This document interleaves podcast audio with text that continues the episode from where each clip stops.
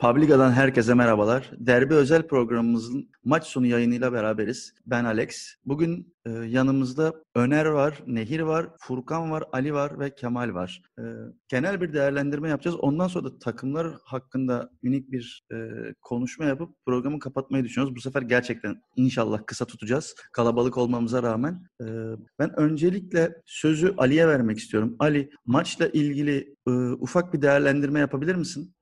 Herkese merhabalar öncelikle. Kalabalık olmamız dinleyenlerin gözünü korkutmasın öncelikle. Kasten böyle bir dizilim tercih ettik. Çünkü fazla konuşmayacağız. Kemal aramızda. Teşekkür ederiz bize katıldığı için. Kendisine teknik kısımda danışacağız. İki Fenerli, iki Beşiktaşlı olarak Alex'den dışarıda tutuyorum moderatör. İki Fenerli, iki Beşiktaşlı olarak burada derbiyi değerlendirelim istedik.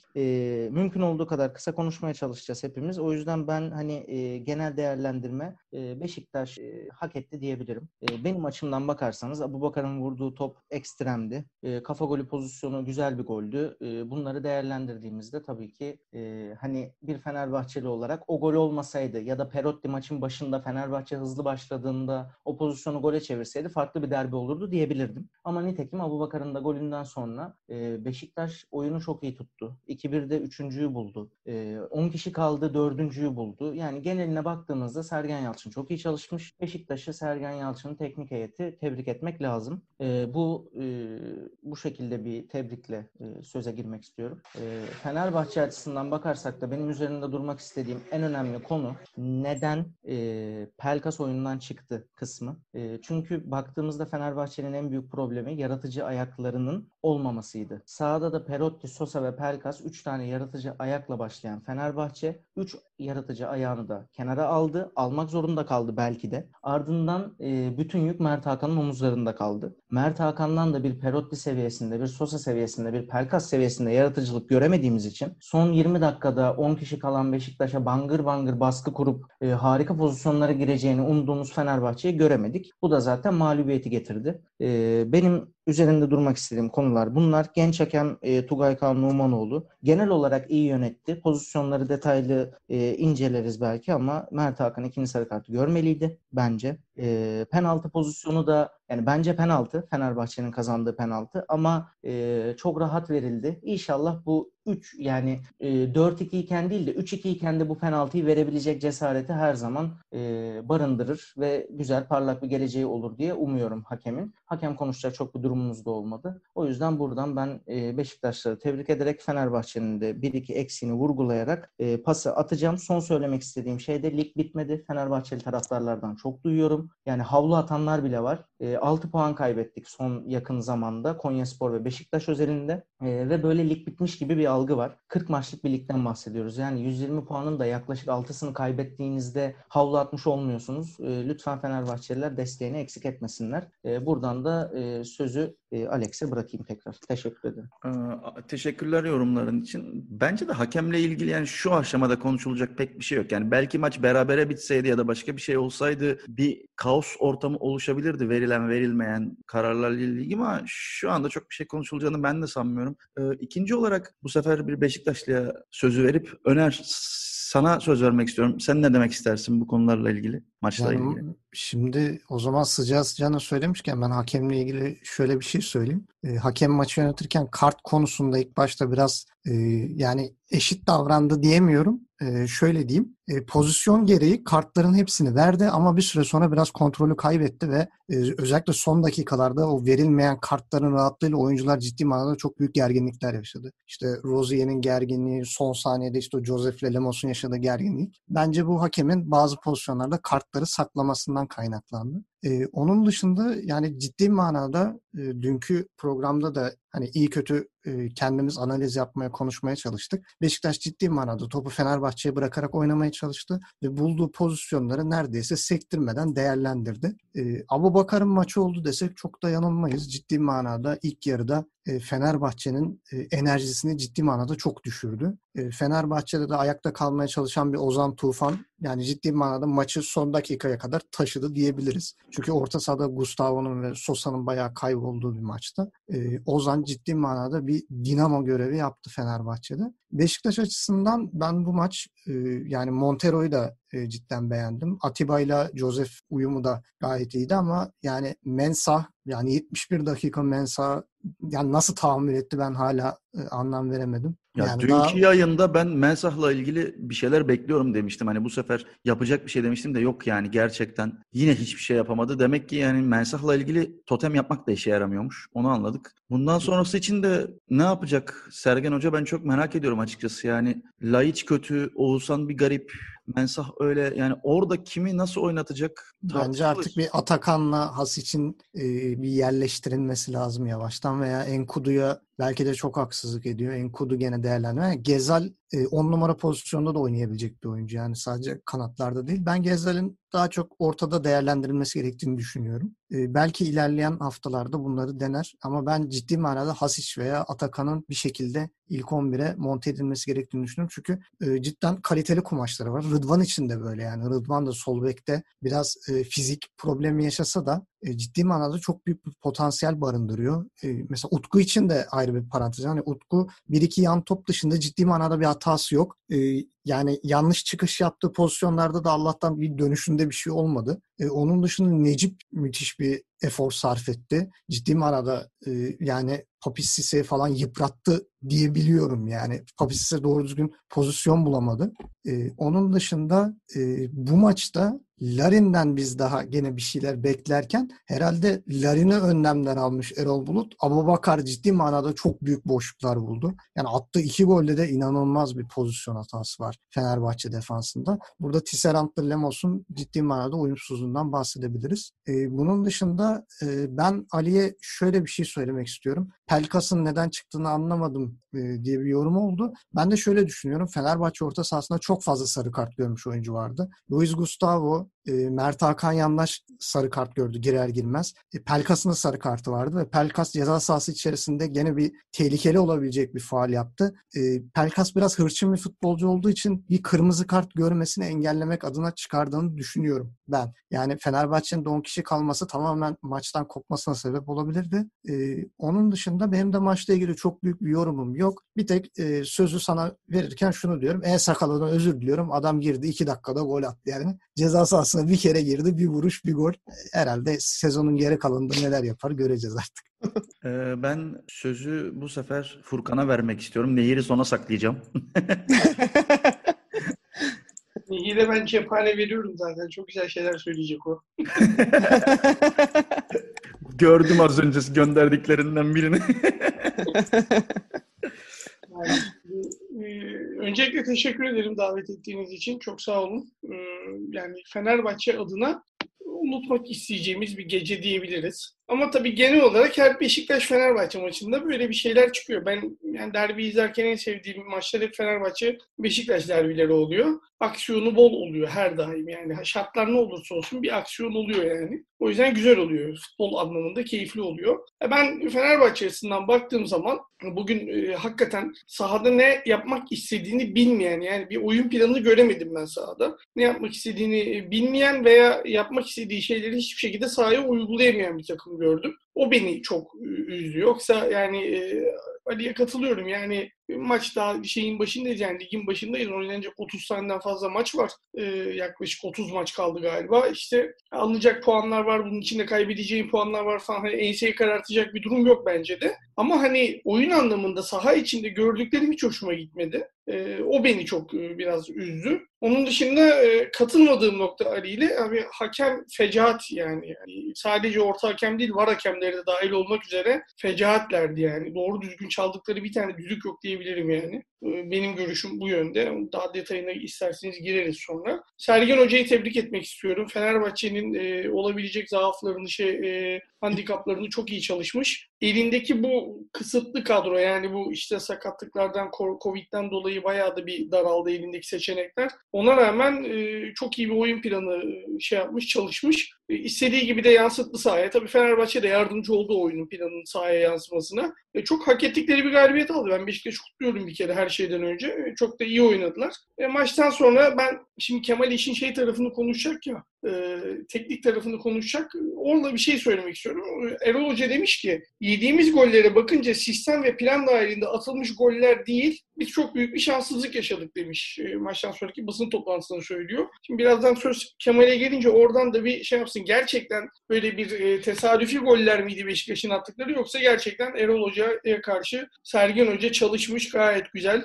E, belli bir sistem dahilinde mi gelmiş bu goller? Onu da bir söylerse ben çok mutlu olurum. Sana atayım pası tekrar Alex. A- açıkçası yani bence bu söylediği laf bile hocaların savaşında kaybettiğini, neden kaybettiğini belli ediyor. Yani Sergen Yalçın çok daha e, iyi hazırlanıp çıkmış belli bence ve orada farkını ortaya koymuş oldu ki kadro kalitesine bakarsak bence Beşiktaş'ın kadrosu Fenerbahçe'ye kıyasla daha düşük kalibrede bu sene. E, zaten çok da dar bir kadromuz var. Bilmiyorum yani. Ama abi kontra takımı yani. Beşiktaş artık kontra takımı. Yani büyük takımla oynayıp kazanabilecek artık. Yani haftaya Kasımpaşa maçı nasıl olur? Ben yani Kasımpaşa yenirsek ben şaşırmam mesela. Evet ya bu sene çok garip bir şekilde Se- Sergen Yalçın tam şey oy- oynatıyor takımı yani. Tam kontra takımı da diyemem ama büyük maçlara çok daha iyi hazırlandığı kesin. Ama Yani bizim top- kadronun topa yapısı da ona olmuyor. Ha, Yani aynen. Topa sahipken olmuyor bizde. ka- kadronun yapısı da ona uygun çünkü yani. Bir de öyle bir durum var. Hızlı oyuncular var hep ileri çıkabilecek. Nehir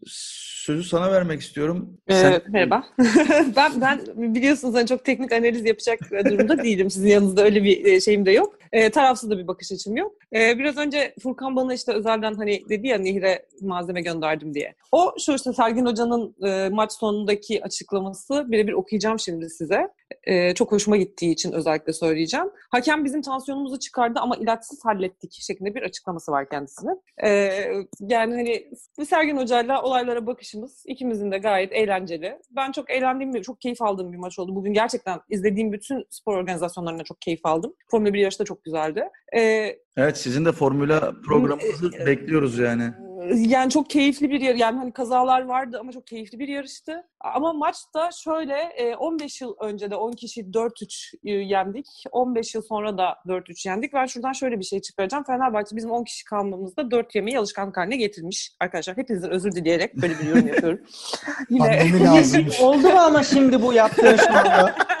Oldu mu şimdi şimdi bu? Burada gayet teknik bir program yaparken. Tekniklere girmeyeceğimden size bahsetmiştim. Ee. Anelka'nın Teknik- pozisyonu da dünyanın yerinde faul değildir. Koray kendini yere attı. Bunu da söylemek istiyorum. Pandemi Fener'e yaramadı. Bütün seriler bitti pandemide. Evet, e, Fe- Fenerbahçe gerçekten pandemi yaramadı. Sizin olayınız taraftarmış arkadaşlar. Kadıköy'ün tek olayı buymuş. Başka hiçbir şey yokmuş orada. O kadar bir gözünüzde büyüttüğünüz olay da buymuş yani. E, Ya inşallah bir biraz daha- sonraki galibiyet de 15 sene sonraya gelmez diyeyim ben de. İnşallah 15 sene sonra bir pandemi daha İnşallah olursa, dedi. Ağzından bal damlıyor Alex. Ağzından bal damlıyor Alex. Bir, pa- bir pandemi daha yakalarsak olabilir. E, bu arada emekli en- halde böyle. Ee, şöyle bir anekdotu paylaşayım. Ee, A- Enskala maça girdiği zaman bir arkadaşım bana mesaj attı. Maç bitti Enskala oyuna girdi. Artık hani kaybettik gibi bir şey attı. Ben Peşine yani hani bir dakika falan geçmeden adam gol atınca yani hani neye uğradığımı şaşırdım arkadaşlar. Yani hani e, bu adam gol atabiliyor muymuş ki kendisine geldiği günden beri hani çok be- haz etmediğim bir arkadaş. Sevmiyorum. Benim sevmemelerim meşhurdur malumunuz. Şey de sevmem. Abu Bakar'ı da çok sevmiyorum. O da iki. Tane atarak beni şaşırttı. Hiç sevmiyorum o çocuğu. Hep offside'da. Yani Niye? bu bu sene hep offside'da. Efendim? Fenerbahçe'den kimi sevmiyorsun? Sosa En çok Sosa'yı seviyorum. Sosa, Sosa'nın kariyerini bitirmek üzerine çalışmalarım var arkadaşlar. Kendisinin bugünkü performansının tek sebebi benim. Her yerden takip aldığım için. Ee, benim uğursuzluğum meşhurdur. Bunu bir, bir ara anlatırlar size. Ee, onun dışında ben çok keyif aldım. Yani hani ben size şöyle geçersek- söyleyeyim. Nehir takip edemesin diye Muslera'ya Evet. özel bilgi gitti. Kızın engellettirdiler. Evet Muslera beni engelledi. İçeriden bilgi gitti adama. Muslera beni engelledi. sakatlandığı Öyle. zaman neredeydin peki? Engellemiş de onunla benim hiçbir Evet. suçum yok. Ama şeyde benim suçum var. Ya ben mesela Bekir'i seviyorum dedim. Adamı iki ay sonra FETÖ'den aldılar içeri yani. Hani böyle bir etkin var arkadaşlar futbolcular üzerinde. Çok tehlikeli. Belki Mensada bir halledersin. ya öyle birkaç tane çalışmam var. Yani hani işte Belhanda üstünde çalışıyorum Galatasaray'da falan. Öyle var şeyden. Falcao mesela. Geldiğinden beri gün yüzü görmemesinin tek sebebi benim. Ee, işte hani olayın geyik kısmını geçersek. Efendim. Bekir İrtegün mü? Evet. Adamın röveşata golü var Marsilya'ya. Sen gerçekten senden korkulur ya. Bak e, Ali'cim şöyle bir şey var. Bizim grupta biri şey diye sordu. En sevdiğin forvet kim dedi. Ben Gomis yazdım. Adam 23 saat sonra. Bak 24 değil. Maçta bayıldı. Bak çok net söylüyorum bunu. Alex'in bana mesajı duruyor hala. Abartmadın mı acaba diye. Yani hani mesajı duruyor. Gerçekten böyle bir etkim var. Ben Neyse e, olayı çok dağıttım kusura bakmayın. Şöyle söyleyeyim çok keyifli, çok güzel bir maçtı. Çok böyle hani e, şey hakem sanırım uzaktan akrabam. Biraz eyyam yapmış da olabiliriz ondan da emin değilim ama e, yani hani pek eyyam da yapılacak yapmadı aslında hani kötü yönettiğini düşünüyorum hakemin. Bu arada çok da yani hani Hakem göstermediği kartlar ya. vesaire yani gerçekten Evet. kötüydü. Ama onun dışında her çok uzun yıllardır e, derbi anlamında gerçekten Fenerbahçe Beşiktaş maçlarının inanılmaz keyifli olduğunu düşünüyorum ben de. Dün Yani- söylemiştik.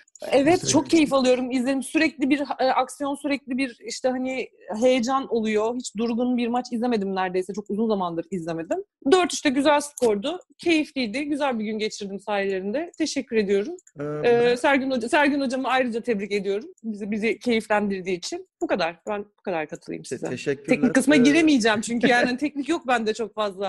Ya gerekirse gerekirse yaparım, tezimi çıkartırım ortaya ama yani hani o kısma girmeyelim diyorum Teknik arkadaşlar. desteğimiz var. Desteği var. Sözü Kemal'e vermeden önce ben Ali ile Furkan'a bir şey sormak istiyorum. Bu Türkiye derbileriyle alakalı en çok Fenerbahçe Galatasaray maçının üzerine durulur ama bana uzaktan da bakmadığım için mi bilmiyorum. Fenerbahçe Beşiktaş derbilerinin çok daha her zaman anlamlı ve güzel olduğunu düşünüyorum. Ya ben bunu 90'lardayken de öyle olduğunu düşünüyorum. İşte 2000'lerin başındayken de öyleydi. 2010'larda da öyleydi. Ben işte 35 yaşındayım ve 35 senedir hiçbir zaman bir Galatasaray Fenerbahçe maçında o Beşiktaş Fenerbahçe maçında olan duyguyu göremedim. Yani hep bir suni bir gündem ya da suni bir şey var ortada ama bir Beşiktaş Fenerbahçe şeyi olmuyor maçlarındaki. Siz ne düşünüyorsunuz bu konuyla ilgili Fenerbahçeli olarak? Ben önce pası Furkan'a atacağım ya. Furkan önce sen başla. Ee, biraz güzel ve bana göre daha nazik ve teknik konuşacağını düşünüyorum. Ardından ben gireyim. Ee, haklısın. Şöyle söyleyeyim. Sen 35 yaşındasın. Ben 40 yaşındayım. Ben de e, şöyle yani örnek vermek gerekirse dinleyenler için Barcelona, Real Madrid El Clasico'dur ama Real Madrid, Atletico Madrid maçları hep daha heyecanlı geçer. Fenerbahçe, Beşiktaş da biraz öyle. Yani Fenerbahçe, Galatasaray evet isim olarak çok daha büyük böyle hep e, şey pazarlama anlamında söylüyorum. Pazarlama olarak da diğer derbilerin hep bir adım önündedir. Ama e, işte o bir adım önünde olduğu için her iki takım da mutlaka o derbiye temkinli çıkar. Kaybetmek istemezler çünkü hiçbir zaman. Fenerbahçe Beşiktaş maçlarında biraz daha şey oluyor. Ee, tabii ki skorun hani hangi skor yarayacaksa ona göre plan yapıyordur takımlar ama e, ne hikmetse yani ben de çok uzun yıllardır stadyumda da çok maç izledim. Ve İnönü stadında eski adıyla İnönü şimdi Vodafone orada deplasmanda da çok maç izledim orada. Ha, bir şekilde Fenerbahçe Beşiktaş maçlarında mutlaka bir iyi oyun, bir bol skor. Bol skor olmuyorsa maç içinde mutlaka bir aksiyon işte kırmızılar, kavgalar bir şeyler. Yani futbol anlamında aslında hani bir futbol sever olarak ne ararsın bir maçta? Tamam bol gol olsun, çok güzel mücadele olsun ama hadi bu olmuyorsa da işte iki kavga çıksın, aksiyon olsun falan. Bunların hepsini sana veren e, maç derbi anlamında hep Fenerbahçe Beşiktaş maçı oluyor. Evet Ali sana atıyorum pası burada. Ee, Furkan teşekkür ederim. Özellikle e, güzel benzetmelerin, yerinde tespitlerin için. Çünkü ben senin kadar net ve teknik yaklaşamayacağım konuya. Alex'e şöyle bir soru soracağım. Neden hani Fener Galatasaray maçı üzerinde durulur ama Beşiktaş Fener maçları daha zevklidir? Çünkü kazanıyorsunuz abi. Normal galibiyetiniz yok. Panko kaleye geçiyor. 35 metreden gol atıyor. Abi yani çünkü normal galibiyetiniz yok. Hani sağ olsun Furkan ondan Furkan'a pas attım. Çok haklı. Doğru söylüyor da abi Fener'e normal galip mesela bana sorarsan bu maç çok zevksiz bir maçtı. Bana sorarsan Kadıköy Panteri hiç yani Kadıköy kedisi hatırlamak bile istemiyorum. Anladın mı? Böyle bir durum söz konusu. Yani bence Anelka'nın golü çok iyiydi mesela Beşiktaş derbilerinde. Şahane bir maçtı. Hani bak- Anladın mı? Ya da bizim sorun forvetlerimizin gereksiz aşırtmaları. Ne bileyim Kejman bir kupa maçında Beşiktaş'a bayağı böyle ceza sahası dışından falan aşırtma atmıştı. Bu arada falan. dün konuştuğumuz şey gerçekten oldu. Fenerbahçe'nin sorunlu bir forveti olmaması Evet. problem yarattı. Dedim abi ben dedim yayında var. Sayın dinleyenler açıp izleyebilirsiniz. Yani Bizim sorunlu forvet yaradı. Ali'cim yayını izlerlerse büyük sıkıntıya düşersiniz dinlerlerse. Yani dünkü analizlerinizin hiçbiri tutmadı bugün. %99'sunuz yani hani tutmama oranında. Bence dinlemesinler. Yani Bizde de Almeida, Negredo. Abu Bakar hep böyle gol sorunu çeken adamlar böyle bir rahatlıyor. Arkadaşlar Alme Almeida gömmüyoruz. Ee, bunu burada yasaklıyorum. Almeida'ya laf etmek benim olduğum ortamda yasaktır. Takip Yani bu kuraldır. Bu kuraldır. Almeida, Van Persie, Falcao bunlar bizim veli nimetlerimiz ya asla. Almeida, Almeida kutsalımdır arkadaşlar. Lütfen bu konuda tekrardan söylüyorum. Yani yani izin vermem. söylüyorum. Ya Beşiktaş'ın normal galibiyeti yok Fenerbahçe'ye karşı. Tabii ki Beşiktaş Fener maçları daha zevkli geçiyordur yani. Ama yok şaka bir yana e, ben kesinlikle Furkan'a katılıyorum. E, çok güzel bir benzetme yaptı o Barcelona Real Madrid kanalından. Real Madrid Atletico Madrid maçları. E, baktığınızda aslında durum biraz o. Adı El Clasico, pazarlama, marketing adına ne derseniz deyin. Fenerbahçe Galatasaray ama sahadaki futbola baktığımızda, seyircinin ne istediğine baktığımızda olay tamamen e, Fenerbahçe Beşiktaş derbileri gibi gözüküyor. Ben de kesinlikle katılıyorum Alex'e de Furkan'a da. Söz Hepinize tekrar- çok teşekkür ederim. Ee, şimdi bir aynı zamanda analist olan ve e, futbolun da gayet içinde, saha kenarında olan arkadaşımız Kemal'e sözü vermek istiyorum. Kemal, senin maçla ilgili genel bir değerlendirmeni alabilir miyim? Ee, iyi akşamlar öncelikle tekrar herkese. Ee, ben önce bir soruyla başlayacağım çünkü unuttum. Ee, Erol Hoca'nın söylemi, bir söylem vardı. O söylem üzerinden notlar aldım ama söylem neydi? Ee, Erol Hoca şöyle demiş Kemal. Yani biz bir sistem dahilinde goller yemedik. Yediğimiz gollere bakınca e, hepsi büyük bir şanssızlıktı diyor.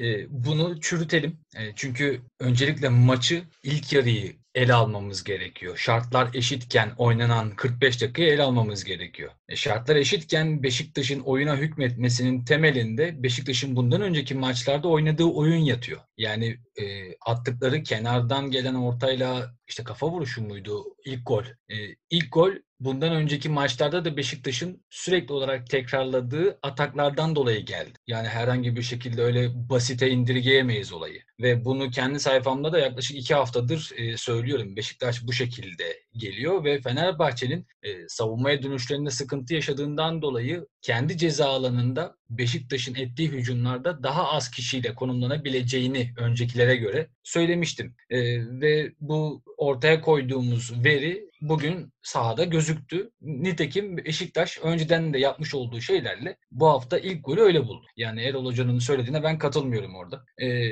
ve bu ülkede biraz sisteminiz olduğunda yani biraz topa sahip olduğunuzda zaten rakip blokları, defans bloklarını kırıp ikinci ve üçüncü bölgeye girebiliyorsunuz. Yani ön alanda baskı yapan ve bu boşluk bırakan Fenerbahçe'nin karşısında son haftalarda topa hükmeden bir Beşiktaş vardı. E, bu da onu 11-11 oynanan oyunda Beşiktaş'ın daha çok topa hükmetmesini ve hatta oyuna hükmetmesini sağladı. Evet ilk 2-3 dakikalık e, periyottaki Fenerbahçe'nin etkili atakları bunlar derbidir. E, bunlar maçın ilk anlarıdır. Adaptasyon sürecidir olabilir. Ancak 45 dakikalık oyunu ele aldığımızda Beşiktaş'ın ağır bir üstünlüğü ağır bir üstünlüğü vardı kesinlikle. E, devam edecek olursam mesela Beşiktaş'ın handikapından gidecek olursam Erzurum, Malatya, Antep maçlarında geriden oyun kurma konusunda baskı altındayken sıkıntı yaşayan bir Beşiktaş vardı. E Fenerbahçe'nin de ön alan baskısı bu ülkede şu an meşhur. Ancak Beşiktaş'ın nasıl söyleyeyim oyun kurma sırasında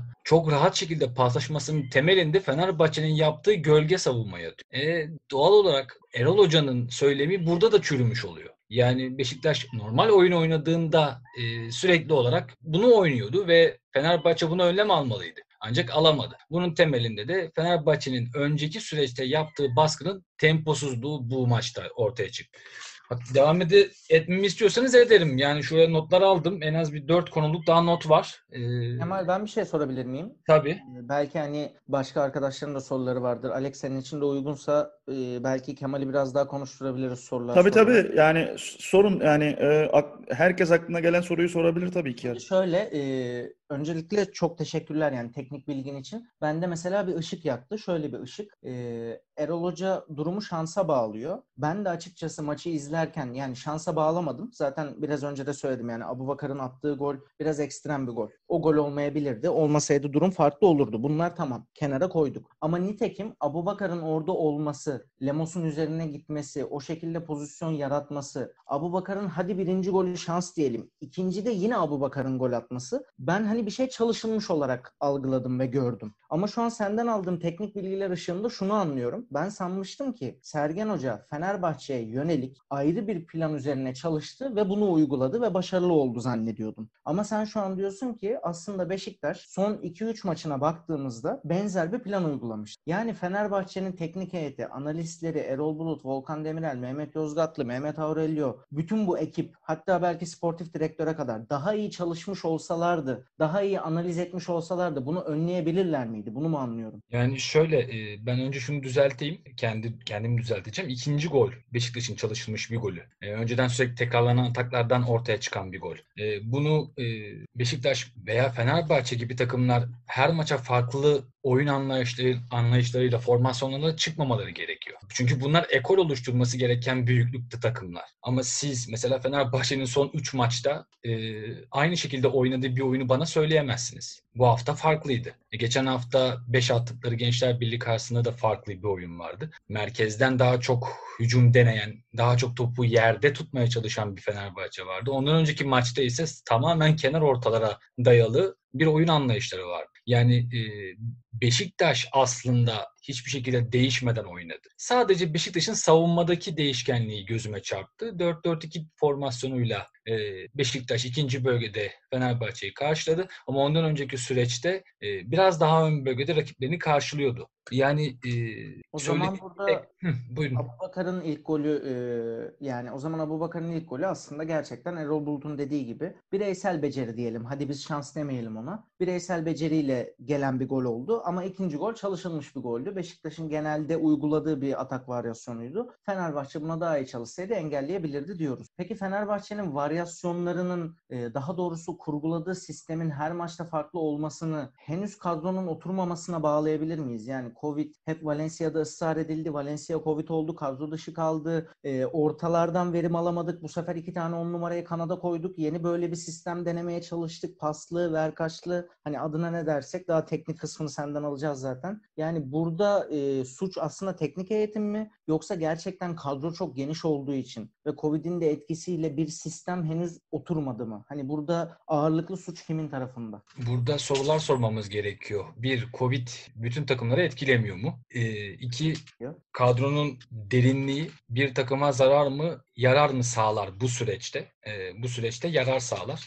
Üç, e, oyunun sürekli tekrarlanmıyor olması beni direkt olarak Avrupa'da oynanan maçların yani orta düzeydeki ma- takımların bile Avrupa'da oynadıkları maçlarda e, oyuna başka bir oyuncu girse bile aynı oyun anlayışıyla sahada yer almalarını düşündürüyor bana. Atıyorum e, İtalya'da Sassuolo var ve uzun süredir analizlerini yapıyorum. Yani oyuna kim çık girse kim çıksa bu oyun anlayışı değişmiyor. Ya da Beneventone ve başka bir, takımlar da var. Mönchengladbach atıyorum.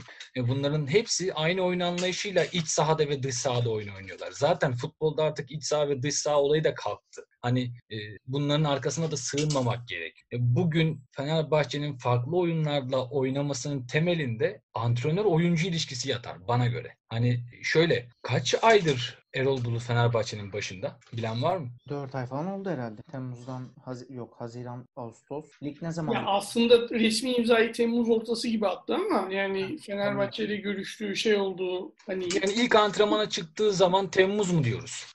Yok, Temmuz değil, Ağustos ortası Ağustos. diyelim. Temmuz'da çünkü lig devam ediyordu daha. Tamam bitmemişti. 3 ay. 3 aylık bir süreç var. Yani koskoca 3 ayda e, ilk 2 ayı kenar ortalarla geçti. Top kenarlara gittiğinde rakip ceza alanına Ozan Tufan'ın atletizmiyle beraber rakip ceza alanında, alanında çoğunluk sağlandı ve %50-50 topun rakibe geçmesini e, nasıl söyleyeyim düşünerek yani bunu bilerek kasten ortalar açıldı. 40 ortadan 10 tanesi başarılı oldu. 50 ortadan 8 tanesi başarılı oldu ve zaten savunma anlayışı olmayan bir ülkede sürekli hava toplarından gol yenilen bir ülkede e, sizin en rahat şekilde gole gideceğiniz yer karambollerden oluşan ataklardı. Ve bunun faydasını gördüler. Ama sonrasında bir haftada oyunun değişmesi demek ki diyorum ki ya Gençler Birliği maçından bahsediyorum ki Gençler Birliği de gerçekten çok kötü. Yani bugün de izledim Ank- şey Kasımpaşa maçını çok kötüler. Ee, nasıl söyleyeyim? Bir, ma- bir haftada bu kadar oyunun değişikliğinin olması bende şunu çıkartıyor ortaya. Ee, diyorum ki demek ki antrenör 3 ayda daha net bir şekilde bir sistem ortaya koyabilir. Yani bir haftada bu kadar oyun değişebiliyorsa 3 aylık bir süreçte neden bir düzenli ve sürdürülebilir bir oyun anlayışı olmasın? Ben Fenerbahçe'de bunu görmüyorum. Yani Fenerbahçe ikinci bölgede topa sahip olamıyor. Baskı yapan ve diri takımlara karşı. Fenerbahçe gitmiş e, atıyorum Karagümrük, alan savunması yapan Karagümrük'e karşı orta alanda pas yapmış. Bu beni ilgilendirmiyor. Zaten adamlar basmıyor. Ya da e, kim var?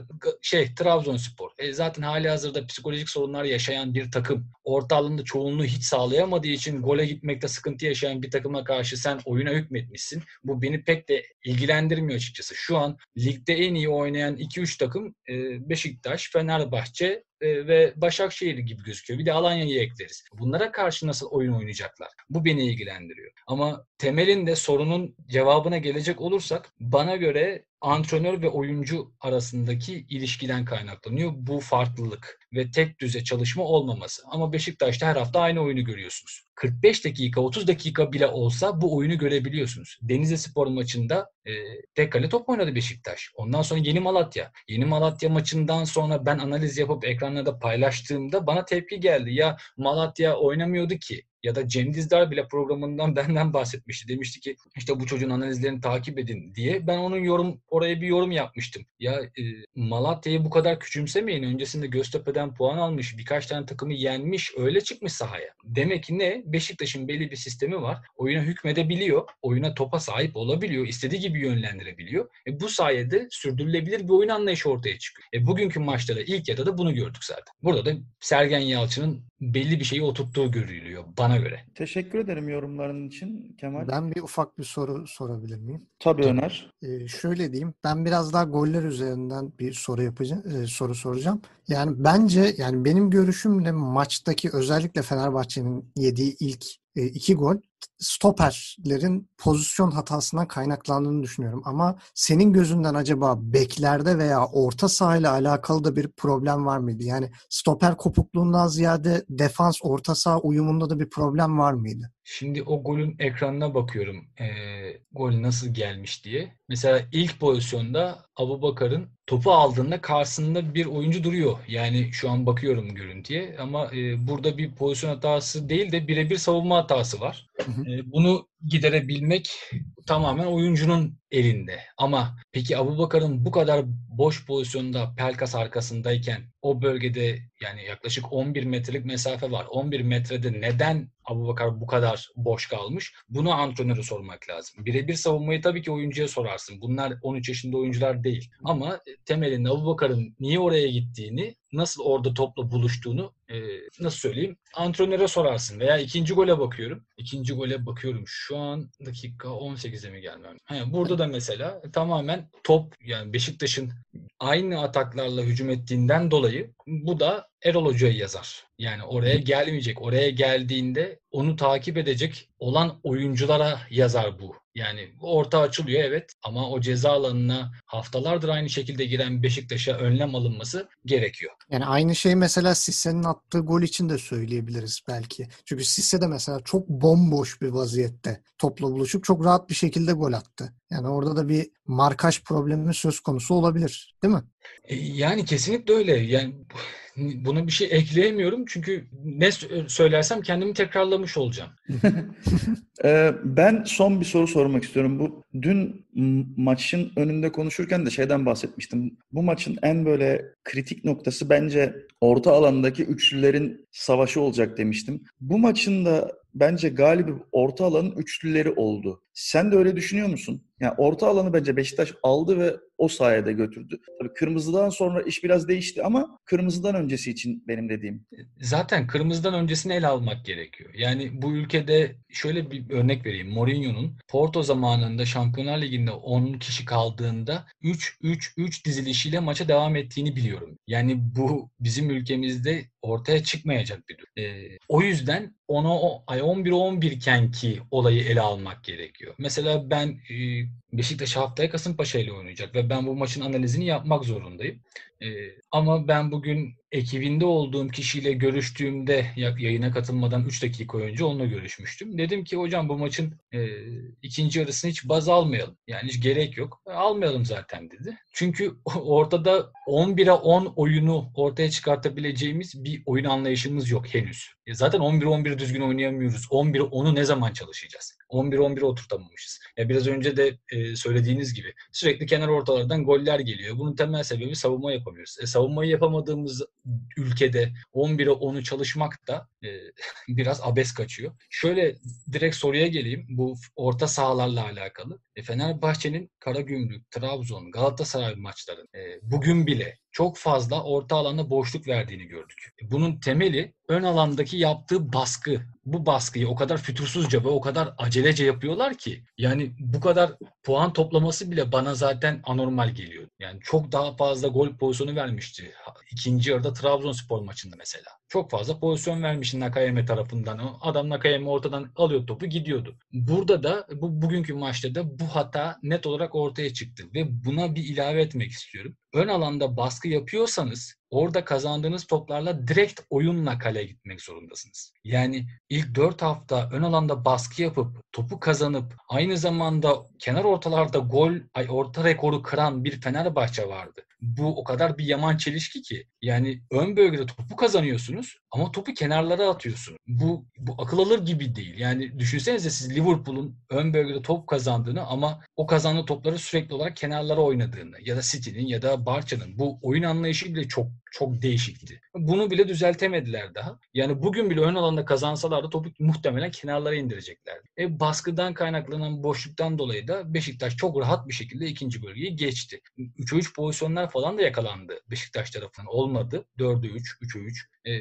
ilk yarının temelinde bana göre dediğiniz gibi orta alandaki boşluklar net olarak belirleyici oldu. E zaten bunu e, sayfamda da önceden belirtmiştim. İki takımın da ceza alanına çok fazla kişiyle gitmesi beraberinde defans ve hücum bloğunun arasında en az en az 35-40 metrelik mesafeler olmasını sağlıyordu. E bunu da etkin kullanan gitti golü attı. Teşekkür ederim. Ee, arkadaşlar hepinize çok teşekkürler. Çok güzel bir program oldu. Ufaktan programı kapatıyorum. Ee, bütün dinleyenlere de teşekkür ederim. Bizi lütfen takip etmeyi unutmayın.